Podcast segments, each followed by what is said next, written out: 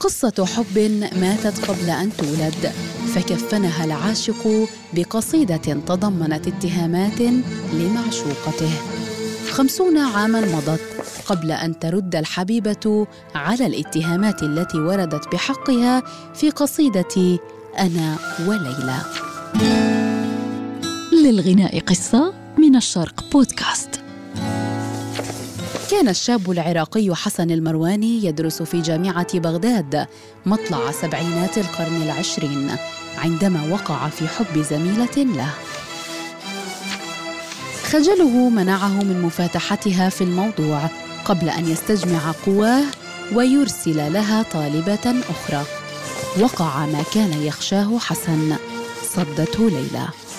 أصابت الخيبة المرواني اعتكف في غرفته اياما دون أن يتكلم مع أحد. عاد المرواني إلى الجامعة بعدما اختزل مشاعره في قصيدة وفي إحدى المناسبات في الجامعة ألقى حسن مطلعها وبعض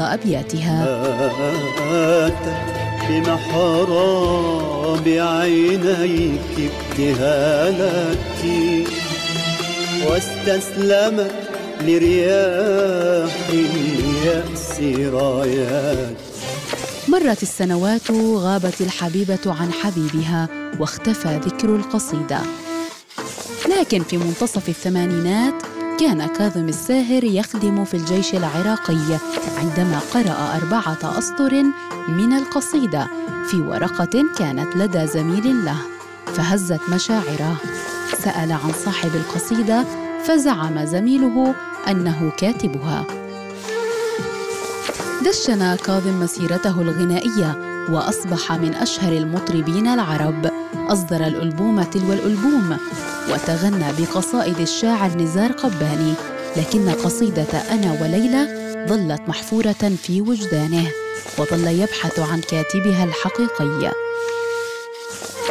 في منتصف التسعينات التقى القيصر صديقا أخبره أنه يعرف أحد أقارب كاتب القصيدة وصل الساهر إلى المرواني الذي كان مدرس لغة عربية في إحدى القرى العراقية النائية وأحضر بقية الأبيات.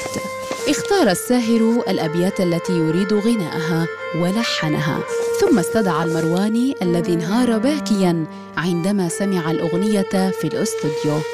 وكذلك ليلى قالت إنها بكت عندما سمعت الأغنية بالراديو وتألمت من اتهام المرواني لها باللهاث وراء المال عندما قال خانتك عيناك في زيف وفي كذب أم غرك البهرج الخدام